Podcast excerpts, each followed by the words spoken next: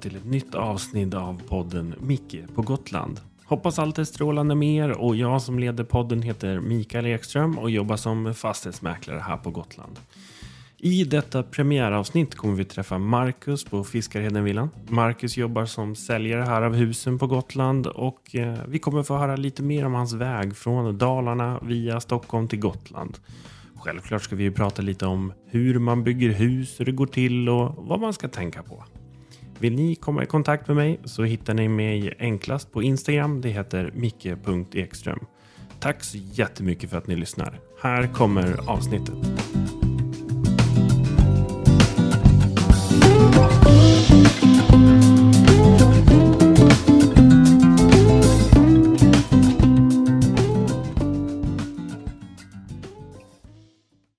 Välkommen Marcus till podden Micke på Gotland. Superkul att just du är här. Du ska ju prata lite mer om Fiskarhedenvillan som du jobbar på. Men vi kanske börjar backa bandet. Vem är du och var kommer du ifrån? Ja. Nej, tack så jättemycket. Eh, Jag heter Marcus eh, och är ansvarig och driver Fiskarhedenvillan på Gotland. Och resan till Gotland har varit lite brokig, eh, men jag är uppe från Dalarna. Så där ja, lite brokig. Det är ju alltid intressant Ja, men exa, eller brokig kanske var att ta i, men eh, jag har några hållplatser på vägen hit i alla fall. har jag. Ja, men det började i Dalarna. Vart i Ja. Dalarna kommer du ifrån? Eh, Falun, eller rättare sagt Sundborn, en, en eh, bit utanför Falun. En förort till Falun? eller? Nej, förort jobbar vi inte med uppe i Dalarna. Nej, absolut inte. Nej. Nej. Så det är ju en- klassisk, många brukar känna igen Sundborn med Kalarsson eller midsommar allra helst. Mm. Eh, är ju fantastiskt där uppe. Spännande. Falun, en eh, fin uppväxt antar jag? Absolut. Kärnfamilj, rakt ut i fingerspetsarna. Härligt, härligt. Bröder, syskon? Eh, jag har en eh, lillebror och en lilla syster. Spännande. Vart i landet finns de nu då? De finns kvar uppe i Dalarna. Okej, Så syrran bor inne i Falun Mm. och brorsan bor i, strax utanför Enviken. Heter det. Spännande. Så Så de har inte rört sig så långt. Det är jag som har flugit längst. Det var du som bröt dig ut från Exakt. Dalarna. Spännande. Hur, eh, vad hade du för eh, intressen när du var liten? Jag menar, nu håller du på att sälja hus, Ja. eh, men du måste ju ha börjat någonstans. Absolut. Jag skulle säga att det är väl idrott, Mm. som de allra flesta. En klassisk sport som bandy. Mm. Och många slarvar med att kalla innebandy för bandy och det Mm. Hävdar jag är ganska väldigt mycket fel. Bandy är en klassisk sport med skridskor och klubba på is. Ja, men det var det jag tänkte Ja. fråga. Utebandy, innebandy, tänker Ja. jag. Ja. Yes, det är bandy för mig.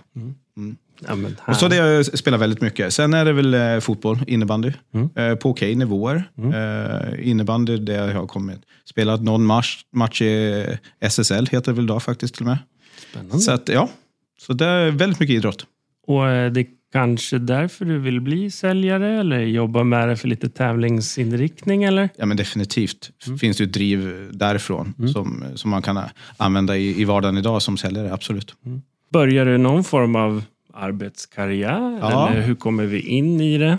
Nej, men, och, och där om jag sa att eh, vägen hit har varit brokig, ska jag säga att eh, min arbetskarriär inte har varit brokig, utan det har varit sälj från det jag var 16-17 år, till och med ännu yngre, som stod i en glasskiosk och så, krängde glass, eh, tills har sålt eh, godis, eh, tobak, hårvårdsprodukter. Eh, men en röd tråd i det egentligen med, med relationsförsäljning. Ja. Jag brukar säga det, att jag skulle nog vara den världens sämsta bilförsäljare. Så jag, måste, någonting, jag måste vara en återkommande. Och så. här. Jag skulle nog inte kunna kränga vad som helst egentligen. Okej, Så det är relationsförsäljning som, som driver mig. lite längre försäljningsprocesser och inte bara sälja en bil och sen Ja. åka vidare. Exakt. Och då är inget illa ont mot eh, bilförsäljare såklart. Nej, nej. absolut inte. Det är olika typer av försäljning. Och, och huvudsaken är att man jobbar med någonting som man trivs med och tycker är kul. Absolut. Superviktigt. Jag undrar ju Dalarna och Gotland. Mm. Hur kommer det sig att du hamnade här? Ja, det är ju en bit ifrån varandra liksom, eh, rent vad säger man, kilometer eller mer, milmässigt. Eh, men, men, det påminner extremt mycket om varandra. Eh, och vägen hit, svar på din fråga kanske det var, då, är ju att min fru är härifrån såklart. Det är den korta vägen. Eh, och vi eh, träffades i Stockholm för, eh, vad var det nu, 12 år sedan kanske. Eh, det var dit Stockholm man aldrig skulle flytta. Jag bodde i Gävle då. Och sen träffade jag Frida. Och sen så fick vi barn. Ett barn. Inga problem med Stockholm. Men man börjar ledsna lite smått på köer och logistik. Sen fick vi Filip, vårt andra barn. Eh, och då eh, kände framförallt jag att det inte var hållbart. Eh, svårt med tider och det var väldigt lätt att skaffa barnvakt för, för första barnet. Alla kompisar och polare ställde upp. Och kunde. Men med två så var det inte lika lättraggat. Och Frida har ju sin bas här med, med familjer och jag har min kvar uppe i Dalarna. Så nätverket var för litet samtidigt som jag tyckte att livskvaliteten var för låg helt enkelt. Mm. Mot vad man. Och vad man, framförallt var också vad man vill ge tillbaka till sina barn. Var det här, när det började växa fram med Gotlandstankarna, var det ett gemensamt beslut eller var det du som drog mer eller hon som drog mer? För det finns en rolig klyscha tycker jag på Gotland med att Ja. det är damerna flyttar från Gotland upp till fastlandet, om vi får kalla det så, hittar en bra kar och sen så flyttar man tillbaka. Ja, i det här fallet var det väl, eh, jag inte bara drog, utan jag, jag släpade Frida till Gotland. Så det var du som Ja, var kände att nu, nu Ja, måste vi dra ja. härifrån. Och jag visste att hon var väldigt osugen på, eh, på Dalarna. Mm. Så jag sa, att nu, nu får du välja, Dalarna eller Gotland. Antingen Dalarna Ja. eller Gotland. Och sen hade vi då byggt ett sommarhus här, vi har varit här alla årstider, för det är den största frågan man får. Mm. Men vad ska ni göra liksom? Det är ju bara sommar på Gotland. Det är så klassiskt och det känner du säkert igen också. Men eh, vi hade bekantat oss med att jag kände mig supertrygg i det. Eh, och vi fick bearbeta det lite grann. Mm. Eh, och vi hade ett mål med familjen, att Frida skulle landa ett bra jobb, barnen skulle in. Så jag satt faktiskt kvar, vi hade radhuset kvar och jag hade min tjänst kvar Mm. under ett tag. Få provbo lite grann, få, få en säkerhet och en trygghet i det. Och hade du kommit in i husbyggarbranschen då eller så att, vad hade du för jobb i Stockholm då? Eh, Jag var extremt långt ifrån husbyggarbranschen. Eh, Jag var försäljningschef på ett hårvårdsmärke. Så jag sålde shampoo, spray, hårfärg. Det är därför Eh. du är så jäkla snygg i håret. Du har fortfarande hållit kvar det. Nej, arbetsskadad. Man gör så gott man kan. Ja. Nej, nej men så var det. Så, så det behöll jag då. Satt och pendlade. Och, men, men vi flyttade hit med, med tanken om livskvalitet. Och det hade vi ju inte alls då första tiden. Så det var ju en liten krock. Att jag satt och eh, åkte till Stockholm och, och resten av Sverige eh, måndag till torsdag, ibland fredag. Och Frida fick dra ett jättelass istället och hemma. Så att, nej, det vart inte riktigt rätt. Sen kom ju corona egentligen och räddade oss. Mm. Eh, då var det så här, det här är inte hållbart i längden. Eh, vad ska vi göra? Redan då hade jag börjat snegla på att starta upp ett säljbolag. Eh, och dra i alla gamla kontakter man har jobbat med tidigare. Så jag hade påbörjat det nätverksjobbet egentligen. Eh, och så fick jag lite napp, så drog jag, drog jag, dem, så drog jag igång säljbolaget. Och det var lite godis och konfektyr och hårvård igen, fast i min portfölj då. Eh, så lite gott och blandat. Ehm, och sen så, men, men samtidigt hade vi byggt hus precis. Och där väcktes någonting, att eh, den processen var ganska trevlig. Fast jag vet ju knappt skillnad på skruv och spik, eh, så var det ändå någonting. Fan, det är relationsförsäljning, får man förverkliga någons dröm. Och hela, så så att, eh, där väcktes någonting. Och sen så tog det inte så lång tid. Sen, sen eh, hörde Frida av sig. Eh, och så var det en klassisk tidningsannons från Fiskarhedenvillan. Är det sant? Ja, och det är inte vanligt nu nowadays. Liksom. Så, att, eh, så, då, eh, så jag kommer, det var en fredag eftermiddag, så jag ringde upp till försäljningsdirektören på Fiskarhedenvillan eh, och förklarade för honom att jag hade ingenting han sökte i, i sin kravspec, men jag var väldigt sugen ändå. att jag skulle kunna bli en representant för Dalarna på Gotland. Och han lät inte alls för intresserad. Men sen så hade vi ett par möten, ett par träffar och sen så fick jag chansen. Ja, men intressant att du kan vända det från att ringa och säga hej, jag kan ingenting Nej. om hus, men jag vill ha jobbet. Ja, Och då kanske det visar på att du är duktig på relationsförsäljningen, att kunna vända honom också. ja så har jag inte sett det, men ja, kanske ligger någonting i det, absolut. Ja, men spännande. Då har vi tagit oss från eh, Dalarna Ja. via Stockholm helt enkelt, där familjen påbörjades. Där du jobbade med hårvårdsprodukten och den försäljningen, om man eh, säger det lite krasst. Eh, kommer över till Gotland och landar jobbet helt enkelt på Fiskarhedenvillan. Ja, precis. Det är lite en, en snabb summering. Ja, ja men det stämmer helt rätt. Mm. Och precis då så liksom var ju det mitt när covid tog skruv egentligen. Så då var det så här, när jag hade signat och sagt upp mig, då kom ju liksom, då var det ju kris egentligen. Det var inte ett telefonsamtal på flera, flera veckor egentligen. Och då började man fundera, vad har jag gjort?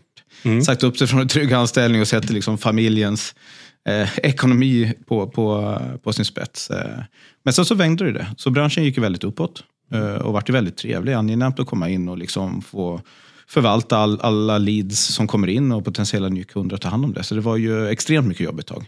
Men det har varit fantastiskt kul och lärorikt.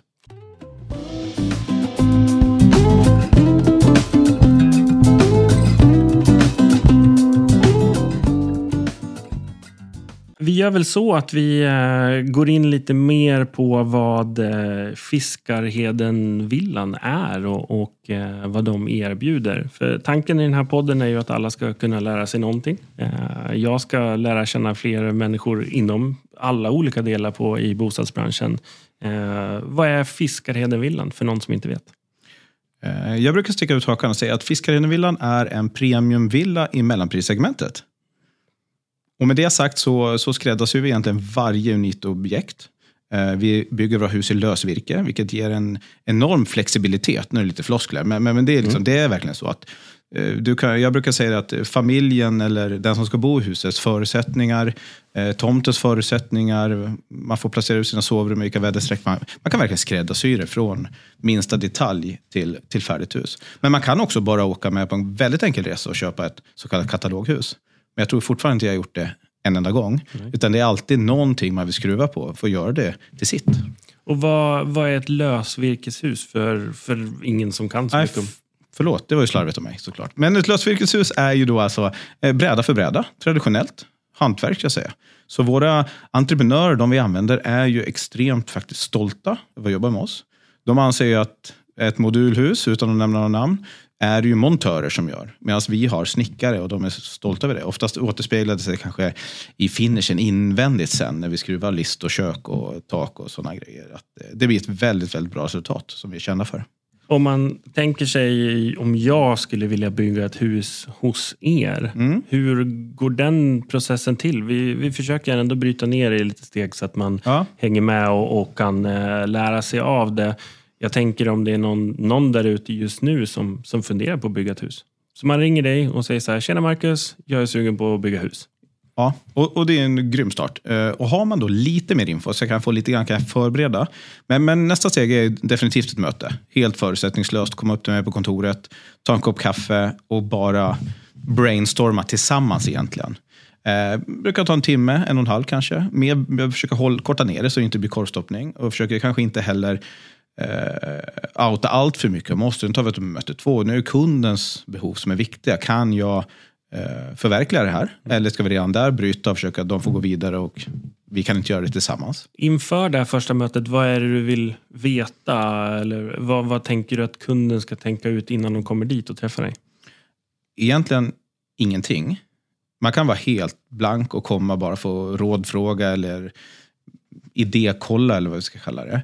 Eh, Men det är klart, finns det ritningar? För det är inte så att vi alltid bygger efter våra ritningar, utan man kan komma med egna arkitektritningar. Jag har fått allt ifrån eh, servetter med vinstänk på. De har suttit på masters liksom och skissat ihop någonting. Eh, så- det är högt och lågt. Men det behöver inte, det finns ingen mall för det ska jag säga. Utan det är ju där på möte ett vi kokar ner lite grann och försöker ringa in några av våra objekt som är likvärdigt med det de har tänkt sig ungefär. Då är det ganska enkelt, utan att specificera dem speciellt mycket, då, och få fram kanske en peng som brukar vara ganska intressant för kunden. Det är där någonstans man börjar. Är det här rimligt? Eh, om man kommer in på budget och såna här bitar. Men det brukar vara ett möte två. Lite vilka vi är och hur vi kan tillsammans genomföra det här projektet. Så du tar första mötet för att identifiera lite vad det är för kund, vad de skulle vilja bygga och, och lite hur det ser ut. Ja. Och sen så tar du ett uppföljningsmöte med att ja, men, det här är utifrån vårt första möte så är det här som vi ungefär skulle kunna leverera. Ja, exakt så. Och sen möte tre, då försöker vi eh, komma lite närmare verkligheten med lite tillval och grejer. För sen brukar jag, jag, jag brukar alltid försöka hålla, eh, annars är det generellt i branschen så verkar man räkna väldigt lågt. Man kanske vill sälja, men att det blir en tråkig överraskning för kund sen. Jag gör tvärtom, men jag berättar också att står vi och väljer mellan två olika val, så ta gärna det dyrare. Så vi har någonting att skala av på om det skulle behövas, om vi behöver hitta eller möta en budget, så är det superviktigt. eh, Ska jag säga. Och sen finns det ju säkert hur många olika ingångar som helst. Har kunderna oftast en preferens i vad de vill bygga? Om det är ett trähus eller stenhus eller plåttak eller tegeltak eller kommer det lite längre fram i processen när man börjar visa upp liksom de här olika husmodellerna? Ja, den typen av tillval försöker vi ta ganska tidigt. Eh, just när, när du nämner sten och plåt så är det ganska kostnadsdrivande tillval. Eh, Så de försöker jag ha med. Jag har någon form av lista på ett första möte då, eh, där lite större grejer kommer in. Eh, Så de, det vill jag veta. Men vill kunden ha eller vet inte kunden, eller de har inga preferenser, då räknar jag gärna på båda. Mm. Så att de får också se skillnaden och vad det verkligen kostar i sten. Så får de överväga om den investeringen där och då är, är värt det. Jag förstår ju att alla processer är olika, men har kunden oftast en tomt klar de ska bygga det? Eller hjälper du till med det? Eller tar man det? Vilket steg tar man det? Eh, jag, jag kan väl säga att, säga att 70-80% av mina kunder har tomt. Eh, vi köper ingen mark i dagsläget. Eh, det är på gång, så det kan komma för någon som är intresserade. Men, men annars har de flesta tomt, eller är på väg att köpa. Mm. Så att man kanske har, det har dykt upp en, en, en tomt på marknaden. Men man vill räkna lite bakvägen innan man köper den. Så då kopplar sig in i det läget. Och det uppskattar man ju, som man vet. Det finns ju ingen värre än de som kommer och liksom redan har köpt och har en plan och de har en budget som kanske då är alldeles för liten som det brukar vara. Eh, och så spricker affären. Liksom, att de har inte råd att slutföra och bygga upp det här huset som de har tänkt sig. Mm. Brukar du besöka tomterna? Ja, absolut. I ett ganska tidigt skede försöker jag alltid komma ut och gärna då med en markentreprenör till exempel. Som ska göra grunden och vägar och hela den biten. För att återigen kunna ha en så träffsäker offert mm. som möjligt. Eh, för kundens skull egentligen. Eh, så det gör jag definitivt. Sen har vi tur på Gotland. Vi har inte så utmanande tomter. När man pratar om fastlandet, jag träffade någon kollega här i veckan och de flyger in eh, värmepump med helikopter ut på någon ö. Liksom. Det, det, är inte där vi står inför, utan här är det ganska plant eh, och ganska enkelt egentligen. De allra flesta, inte alla. Nej, inte. Nej, det nej. finns ju alltid undantag. Ja, det finns undantag. Men de är få som tur var. Det är ganska enkelt och pricksäkert och tryggt för kunden framförallt. Mm. Ja, men spännande. Då har vi ju första inledande möte, uppföljande möte. Du har koll på hur tomten ser ut. Du har tagit in deras viljor eller aspekter och man börjar titta mer på liksom, eh, tillval och inredning och lite sådana bitar. Mm. Eh, hur mycket sånt kan man välja hos er? Väldigt mycket. Vi har en bred standard och tillvalskatalog. Vi får oftast beröm vad som ingår. Jag bygger till exempel två hus på Fårö nu, där kunden inte gör ett enda tillval egentligen. Vilket är väldigt ovanligt såklart, för många vill ju tycka till. Och, så men, men det finns väldigt brett. Och vi har också den möjligheten att, skulle kund vilja hitta något eget, att man har ett golv som inte vi kan leverera eller de har något specifikt eh, taktegel som inte vi får tag i. Då, kan vi plocka bort det från kalkylen och så löser kunden det själv. Så det är också med den här flexibiliteten jag nämnde tidigare, att vi är väldigt flexibla eh, när det gäller de grejerna. Så att det verkligen blir skräddarsytt. Härligt. Då förhoppningsvis så har man ju en ritning klar, alla tillvalen är valda och eh, sen så ska man ju köra igång. Hur mm. lång tid tar det att bygga ett hus? Uh, jag skulle vilja backa bandet lite grann. Mm. För möte tre, möte fyra någonstans, där måste vi hitta ett avtal. Om man ska gå in i hela processen. Mm. Uh, och då skriver vi samarbetsavtal. Det är inte så att vi köper ett hus egentligen. Utan det är mer att då öppnas dörrarna in till centrala Fiskarnevillan. När vi får hjälp med arkitekter, konstruktörer, bygglossritare. Allt det här tar vi hand om kunden. Och det är ju en enorm trygghet och säkerhet. Eh, så då tar vi fram det. Och sen när vi är klara med dem, eh, så kunden är helt nöjd med sin ritning, så söker vi bygglov. Och där har vi de utmaningarna. Allt ifrån 8-9 veckor upp till 20 veckor. Så det är där vi brukar säga, där tappar vi bollen lite grann. För alla vill ju veta en tidsspann. Hur långt det Kan jag flytta in till sommaren? Mm. Ah, nej, det kan du inte. Eh, kanske, eh, kanske inte. Så vi är ju extremt försiktiga med att lova tider. I och med att vi, där tappar vi kontrollen över processen egentligen. Eh, men, när vi har fått och beviljat bygglov, då har vi ungefär en leveranstid på 18-20 veckor. Och sen beroende på hus, eh, pratar vi 120 kvadrat en plan kanske sex månader. Och sen 7-8 månader kanske någonstans max beroende på hur stort det ska mm. Sen ska det vara klart. Spännande. Det ja. låter ju enkelt. Ja, men det är komplicerat. Det är 40 000 komponenter som ska sättas ihop. 40 000? Så det uppstår ganska ofta lite bekymmer och utmaningar. Men det löser ju oftast jag eh, och entreprenören och Fiskarvillan centralt då, utan att kund behöver bli inblandad. Men, men det händer. Och framförallt med det som vi har bakom oss med eh, problem att få fram olika material.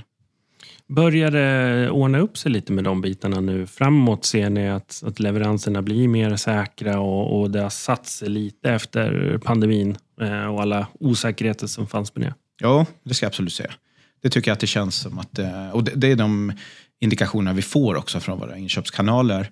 Eh, det är väl kaminer som är lite utmanande och värmepumpar fortfarande. Men vi har fortfarande inte missat något. Vi får material. Det är bara ett annat sätt för oss att jobba internt egentligen på inköp. För då kan vi kanske avropa en värmepump på tre månader. Nu kanske vi måste ligga på nio månader. Eh, men allting flyter på, ska jag säga. Golv har varit lite utmanande också. Så där har vi ett krig och mycket Rysslands virke och eh, Ukraina-fabriker som ställer till det egentligen.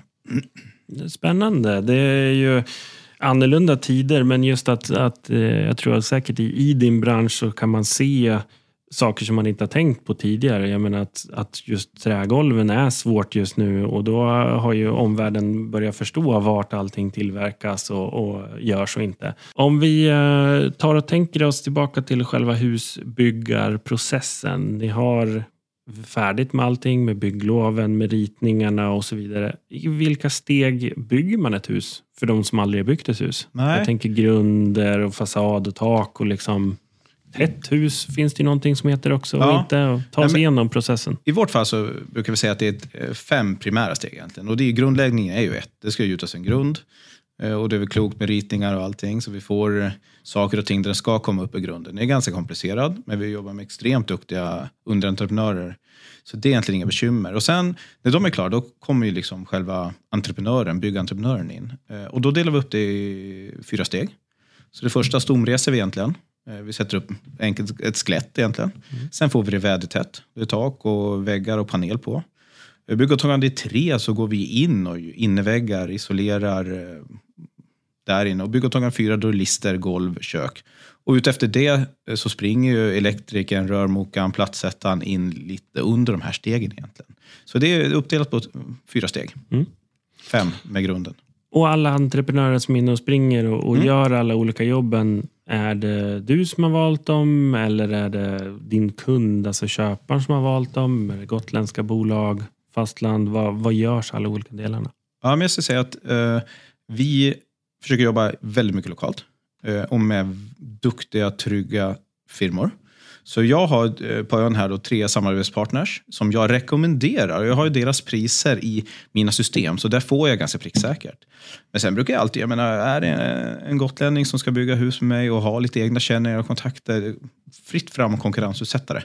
För det är inte så att det finns några, några hinder eller någonting, utan kan man köpa byggsatsen från mig och, hitta egna entreprenörer. Jag har tre sådana projekt igång nu, funkar hur bra som helst. Jag jobbar på samma sätt ändå. Jag ser till att de får alla handlingar, alla beskrivningar eh, och besöker bygget när det behövs och, och finns till hands. Men det är väl klart, en, en enklare resa är att gå med, med de rutinerade som vet exakt hur det funkar och lite hur det funkar inhouse hos oss om det skulle fattas material och såna här bitar. Så det är lite som man vill egentligen. Man kan också bygga själv. Man kan eh, köpa med byggåtagande 1, 2, 3 och sen slutför man jobbet själv om man är lite händig och vill eh, måla och lägga golv och sätta kök själv. Så här någonstans, eh, någon gång började ju Fiskarvillan med att sälja egentligen eh, ladugårdar, vad ska man säga, liksom, från Dalarna till, till jordbrukare. Så då var det bara själva stommen. Sen har det här blivit småhusen 93 tror jag de började med, med det här. Liksom. Så att, eh, det har utvecklats och går fortfarande framåt. Så grunden i Fiskaredenvillan är från Dalarna? Ja, förlåt, den har vi missat. Nej, men det är ju en härlig aspekt att ta upp. Du kommer från Dalarna, Fiskaredenvillan är från Dalarna och du finns på Gotland nu. Ja. Det är ju perfekt. Det är ju som det- handen i handsken. Ja, det är ju bästa av två världar, liksom, att jag får representera Dalarna eh, på Gotland. Ja, Ja. Men härligt. Jag känner ju också så här, ju mer man går in i de olika stegen och processen, ju mer känns det som det är. Så jag förstår varför man verkligen behöver en kontaktperson som dig, där man kan bli lotsad genom de olika bitarna. Eh, och det antar jag att du är duktig på att se vad man behöver och vad man inte behöver. Och det är ju också mitt, mitt jobb och det är det viktigaste, att få kunden att känna sig trygg egentligen. Eh, och, och det är lite, jag sa att vi var en premiumvilla mellanprissegmentet och där kommer den biten in. Det är inte bara vad vi levererar utan också vad jag levererar. Så att jag, jag beskriver det ganska fint. Jag håller kunden i hand hela vägen tills de känner sig nöjda och trygga. Mm. Eh, och så är det ju inte på alla, utan det är en liten grej som vi har på Fiskarna. Att det, det är superviktigt att det är en kontakt och det är mig. Sen får vi såklart byggare och så, men skulle det vara någonting så behöver man inte jaga någon eh, om man har frågor eller funderingar. Det kan ju säkert hända massa saker under processens gång också. Ehm, är det någon rolig anekdot som du vill berätta om något husbygge som har gått snett eller någonting som har hänt? Eller? Ja, men jag hade, hade en grej alldeles nyss faktiskt. Vi var på väg in på bygglov. Det var extremt nära. Vi skulle bara trycka på knappen för att ta fram bygg, eller vi har tagit fram alla bygglovshandlingar. Eh, men i sista sekund så ser kunden att det fattas en dörr in till badrummet. Det hade ju gått att lösa sen, men det var lite roligt. Att vi, Det, vi det fanns så, ingen dörr alls eller? till badrummet, nej. Ingen dörr alls? Nej. Mm. Och vi är så många ögon som har kollat det här. Kunden, kontrollansvarig, den som har ritat det här. Det är liksom stämplat i våra... Men, men det fanns ingen dörr till badrummet. Det går ju alltid. Det var ju en mindre grej. Men det var väldigt kul när vi kom på det. Det är spännande att, att det kan hända. Ändå, ja. När man har suttit och ritat med det och säkert korrigerat ja. massa gånger. Och sen så är det kunden som ser det. Att bara, Hörru du Marcus, eh, hur eh, kommer man in till badrummet? Ja, Nej, så det var lite, då fick vi snabba på det och försöka lösa det. Om man kollar till eh, byggprocessen, vad är liksom vanliga misstag som, som en kund kan göra som, som du ofta ser som, som du skulle vilja ja, ge tips eller mm. folk att hålla koll på när de ska bygga hus? Jag säger att man ska ha tid och vara förberedd. Det är väldigt många som kommer in i sista sekund. Man kanske har köpt tomten redan. Man har redan i huvudet föreställt sig vad man ska ha för hus och man är helt låst i det. Oavsett vad man har för behov eller hur tomten ser ut så är det, eh, det, det, är för få som är lyhörda. Eh, jag tycker man ska ut i sitt nätverk och rådfråga, skaffa referensobjekt, en moodboard, jobba igenom. Du får bygga vad du vill. Eh, och då vill vi inte se att det blir någonting galet. Sen finns ju jag som bollplank där. Så jag är ju inte den heller som bara sitter och lutar mig tillbaka, utan jag försöker utmana kunderna. Har ni tänkt på det där? Sen får man ju vara noga med att inte kliva någon på tån. När de bestämt sig så och vill ha det så, så är det inget. Men ser jag någonting uppenbart så försöker jag utmana dem lite grann och försöka se det lite bredare egentligen. Så tid är en aspekt som du tycker är en vanlig, vanlig sak att man ska ha mer av? Ja, verkligen. Och försöka se helheten. Oftast är det ju så här, nu blir det lite kvinnligt och manligt, men, men tjejerna ser bara köket. Och, och männen ser bara garaget, det är det viktiga. Det är här, och ibland får man, så här, känner man sig som en eh, terapeut och man får nästan sitta och medla lite grann. Och så får de göra avkall för att vi ska nå en budget och sådana här bitar. Så att eh, jobbet är utmanande och kul, men det är där att man, lite mer samspelt, att man har processat det lite grann. Mm. Sen kan man göra det efter, efter ett första möte med mig, för då har man mer eh, vad ska man säga, lite mer kött på benen egentligen. För att kunna komma vidare i sin process. Men när man kommer tillbaka två, då vill jag att man ska vara lite mer klar. Eh, hur man har tänkt sig det här. Så man ska tänka hela huset som en enhet, ja. att det ska gå ihop med materialval och yes. interiört och, och, vad man tänker med möblering och, och sådana bitar också. Ja. jag brukar säga så är det väldigt mycket tillval, att man ska ha, ha, ha. Eh, och hon ska ha det, det, det och han ska det. Så får man någonstans skapa sig en prioriteringslista. Mm. Eh, om vi nu inte når budgeten, vad, vad kan ni tulla på? Liksom? Så man påbörjar den processen också. Annars riskerar det att dra ut på tiden. Så, så jobba brett och lite spretigt sådär för att få en, en bra helhet egentligen.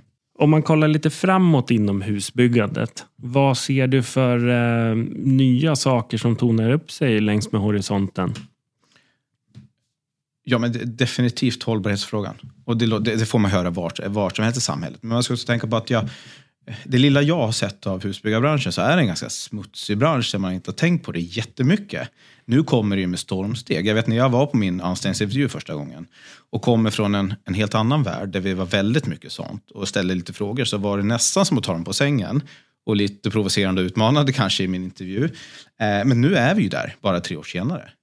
Vi har till exempel precis slutfört eh, ett projekt som heter Villa Zero i Bålänge. Där fiskade villan då tillsammans med några arkitekter och uh, forskare, kanske fel ord, men, men där kring i alla fall. Så vi, vi utmanar hela branschen, framförallt kanske betongindustrin. Vi, vi bygger ett uh, koldioxidneutralt hus. Det är världens första. Och vi har en trägrund. En trägrund? Ja med inbyggda sensorer så skulle vi få fukt i den här. Nu låter väl det säga att man har reglat upp en trägrund. Det är klart det är mer teknologi bakom det. Men man testar och är inte blyg för det. Jag tycker det är helt fantastiskt att få jobba på ett sådant företag. Dessutom har det här projektet då nästan eh, Planen var väl egentligen bara att bygga det med tjejer också, som är lite statement för branschen. Så det är så mycket fina godsaker i, i, Villar Zero som, är, eh, som jag tycker är jätteviktigt. Så svar på din fråga mm. är ju hållbarheten mm. nummer ett, definitivt. Och där vill vi vara marknadsledande. Jag tror att vi är det också, för det är ett stort, stort, eh, en viktig punkt. Men det är det ju överallt. Men vi började ganska tidigt, får jag en känsla av, för att vara i byggbranschen. Så man börjar nästan gå tillbaka ett steg och se, okej, okay, men de materialen som vi bygger hus av idag, vad ja. kan vi utveckla? Ja. Och vad, grunden är en bit. Yes. Fasader, tak, vad händer där? Jag tycker att, eh, ganska klassiskt, Uh, om man ska sitta efterfrågan så är det fortfarande lag, ladhus med lite industriell känsla. Uh, men man ser att det kommer efterfrågan på kanske lite återvunnet. Och det är som jag sa tidigare, att man kanske har eh, en gård, man ska generationsskifte, men man vill flytta med sig sina dörrar eller man vill göra de här små grejerna för att göra det lite unikt, men samtidigt också återvinna, inte behöva köpa nytt. Lite sådana frågor kommer också, tycker jag. Eh, inte jättestor utsträckning, men, men jag tycker det blir fler och fler. Värmesystem? Eh, ja.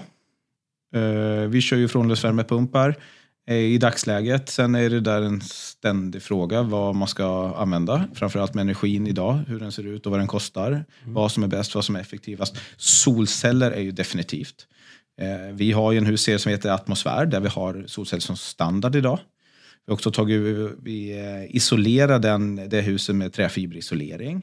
Eh, vi har byggt ett sånt testhus uppe i Borlänge också. Nu blir det två objekt, mm. eh, men då med en glasgrund istället.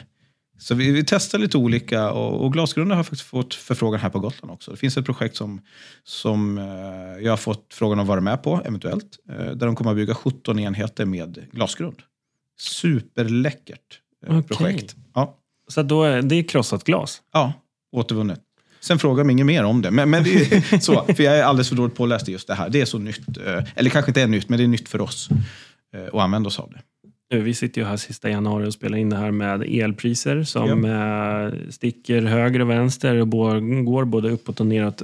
Solceller sa du ju, var du inne på. Hur ser efterfrågan ut på det och leveranser just nu? nej, men jag tycker att det, det är bra. Eh, det har ju varit eh, brist även i den branschen, solcellsbranschen. Eh, men jag tycker de börjar komma ikapp och kan leverera. Jag alternerar, vi har dels samarbetspartner Fiskande Villan, men jag försöker hålla väldigt mycket lokalt. Så jag har hittat en väldigt bra leverantör som är lokal här på ön som skräddarsy efter kundens behov, som tar ett möte och eh, anpassar. Hur har vi elbil? Hur många är vi i hushållet? Hur många kvadrat? Då behöver ni det här. Vill ni dessutom sälja, då, då räcker det att köpa ett batteri och så hela den där processen som de äger. Så jag, här försöker jag vara på tå liksom och kunna hitta en lösning för de som verkligen vill gå all in på det. Eh, för det är så på tapeten. Och där är en trygg, bra leverantör. Eh, och de verkar, jag träffade han senast förra veckan. Jag tycker inte, de ser ingen problem att få tag i material just nu. Peppar, peppar. Peppar, peppar. Ja. Ja, men det är spännande att se den utvecklingen och, och framförallt fler och fler som, som tänker på att sätta upp solceller. Både på nyproducerade hus som ni levererar men även hus som redan finns idag. Ja. Eh, att kunna egentligen ha ett nollsummespel med att kunna tillverka eh, el eh, som man själv använder. Och Sen så finns det även de som har fritidshus som, men idag är en solig och fin dag men är man inte här så kan fortfarande huset producera och sälja ut på nätet. Och det är fantastiskt idag. Det är ju så. Det, förut var det svårt att räkna hem det. Man gjorde det lite grann för att man tyckte man ville bidra. Idag är det faktiskt en bra affär. Det är en investering att ta där och då. Men, men på en horisont på 68 år så kan du nästan räkna hem en anläggning som kanske man räknar på 30 år för inte så länge sedan. Nu kanske jag slänger mig med siffror jag inte riktigt är hundra på, men det var typ så känslan var i alla fall. Eh, och kan du då börja se att det redan efter sju år är betalt och klart och du börjar nästan tjäna pengar på det, Eh, så är det helt fantastiskt.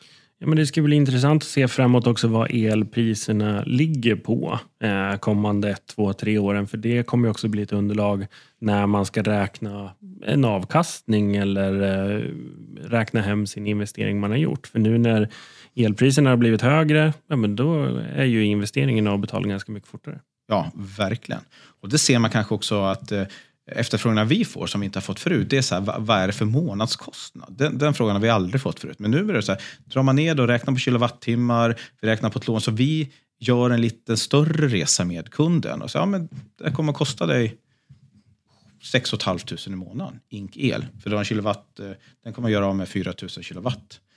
Och, och helt plötsligt då ser kunden en, en klumpsumma som kanske idag är 15-20 med dagens energipriser mot 6. Så att folk har hittat ett annat sätt att se på det, ska jag säga. Eh. Och det är väl lite där med helheten. Ja. Att det börjar gå mer och mer åt det att både se energiåtervinningen och användningen som man har och hur man bygger huset. Ja, absolut. Det är en spännande, jag vet inte om man ska kalla det en trend eller en stil, de här ladhusen i industriell stil, sa du så? Ja. Hur många sådana har du byggt nu? Uh, massor. I både vinklar och vanliga lador med fyra hörn. Uh, men efterfrågan är uh, fortfarande stark. Stående panel utan knutbrädor, utan foder. gärna med någon järnvitriol eller någon lasyr. så snart ser varenda hus ut så. Ja, det, det är ju trevliga fina ja, det är hus. Jättefina hus. Vad skulle du säga är liksom karaktären som utger ett, ett ladhus i industriell stil? Jag ska säga att eh, takfoten är indragen och gavelsprånget, att det blir lite mer gotländskt eh, känsla på det. Och takfoten, för de som inte vet? Det tak möter vägg då. Ja. Eh, det som hänger över egentligen, där man har stuprän eller plåtarna på. Mm. Försvinner det att allting blir liksom dikt med väggen. Eh, det blir en en- enhet som vi brukar säga. Eh, På Gotland ser man ju många äldre hus som redan har den indragna takfoten så att säga. ja, Var kommer ladhuset från Gotland säger du? nej det sa jag inte. men, men, många beskriver det som det gotländska traditionella. Sen tror jag inte att det kommer härifrån. För i södra Sverige ser det också likadant ut. Uppe i Dalarna tror jag aldrig sett det sånt ut. Så det är verkligen vart man är. Och sen finns det, det är en vattendelare. Är det bra eller inte bra? Det finns en anledning att takfoten sticker ut lite grann. För att du inte ska utsätta fasaden för liksom väder och vind. Man ska skydda lite grann. Så att, eh, det är verkligen två läger. Är det verkligen eh, stil och funktion möter varandra? Ja. Sen vet jag inte vad som är bäst. Det, det, det får vi se framöver. Ja. Det finns ju hus som, som görs på ert sätt. Eh, lösvirkeshus, sen finns det ju prefab. Det finns ju massa olika husmodeller och hur, hur det byggs. Men de största liksom skillnaden är väl prefab och lösvirke. Eh, vad ser du för, för olika positiva och, och eh, delar med de olika sakerna? Ja, eh, och, och den stora skillnaden är ju liksom att eh, prefab är eh, det tillverkas ju väggblock då, som det kallas i fabriker någonstans i Sverige. Eller någon annanstans. Det har jag lite dålig koll på faktiskt. Men det finns säkert både och. Eh, Medan vi då bygger på plats. Eh, de har en lite snabbare eh, byggstartstid. De, eh, stomreser ju snabbare än oss i och med att det kommer färdiga block. De gör väl det på en dag. För oss tar det ungefär en vecka. Men sen sammantaget så är det ganska lika tidsspann hur snabbt det går att bygga ett hus. Eh, och, jag framhäver såklart fördelarna med, med eh, lösvirke. Eh, och vår flexibilitet, att vi verkligen kan skräddarsy. I ett prefabhus så får jag känslan av att det inte går att göra så mycket ändringar och val, utan det är någonstans där, där de redovisar sina kataloghus. Eh, det är det de bygger. Vi säger att våra kataloghus är inspirationshus. Vi bygger aldrig våra kataloghus, nästan. Hårt draget. Eh, så det är en viss skillnad, definitivt. Men med det sagt så är det inget... Det behöver inte vara sämre på något sätt. Men vi förespråkar ju verkligen. Jag får ofta de kunder som bygger för andra eller tredje gången. eh, Som har gjort den resan en gång, men nu vill göra sitt eget fast ändå under paraplyt, vad ska man säga, nyckelfärdiga hus någonstans eh, med en leverantör. Eh, Så, så lite så. Men jag tycker det är en bra förklaring eh, just med flexibiliteten att man kan rita huset ut efter huset och kanske inte vilka element eh, som man måste sätta upp för att få ihop det. Eh, Såklart så finns det fördelar och nackdelar med alla olika saker. Ja, absolut. Men vem skulle inte vilja göra sin egen planlösning? Så Va? är det. Eh, Men varför ska man välja er? Man kan väl lika gärna gå till en hantverkare och säga att "Ja, men det här huset skulle jag vilja bygga. Ja, ja bra fråga. Jag skulle vilja säga att tryggheten, Eh, fast pris har ju varit jätteviktigt eh, de här åren som har varit när det har varit berg och dalbana på den fronten verkligen. Eh, så en enorm trygghet att komma till mig och skriva ett avtal och det är det priset som gäller i ett x antal månader egentligen till vi har ett hus där. I de flesta fall, så länge inte regionen bråkar allt för mycket och drar ut på tiden, då får man en indexuppräkning. Nu ska vi inte gå in på det, men det är inte alls i paritet med, med prishöjningar och sådana bitar. Så en enorm trygghet ska jag säga. Eh, och sen är det också en enklare resa. Det är mig du träffar, det är inte så att du ska springa runt alla entreprenörer när du bygger ditt hus eller med snickare. Vi har ju våran här, som jag sa tidigare, standard och tillvalskatalogen. Det är ju som att bara kryssa i vad du vill ha egentligen. Så att, eh, det är en väldigt mycket smidigare resa.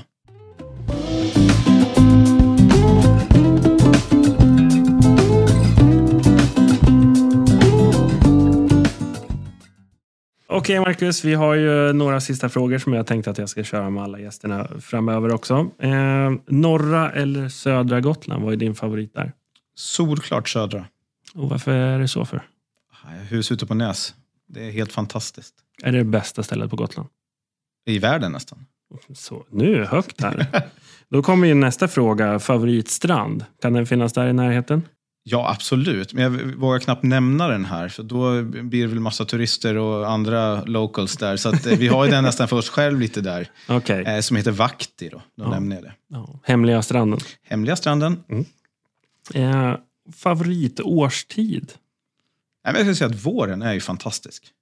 Och hur kommer det sig? Nej, det blir ljust, det börjar spritta i både ben, ben och knopp, höll jag på att säga. Uh, nej, men jag tycker det är grymt. Helt överlägset. Det är då man kommer tillbaka. För den vanligaste frågan, nu hoppar vi lite här. Ja. Vanligaste frågan vi gotlänningar får är ju vad gör ni på vintern? Ja, Men då brukar jag ställa frågan tillbaka. Vad gör ni själva på vintern? Här kan vi gå själva på stränderna i sol, soluppgång och solnedgång. Det är svårt att göra i Stockholm tyvärr. ja, precis. Och det brukar jag svara på den frågan. Det är variationen på Gotland. Att vi har ju, när det är säsong, då är det ju svinhäftigt att vara här och bara se all kommers som drar igång med restaurang. Det utbudet vi får då. Sen bara lugna ner sig så får vi den här livskvaliteten vi vill åt på 75 procent av året sen. Så att, eh, jag gillar ju verkligen variationen på Gotland. Det är enormt härligt.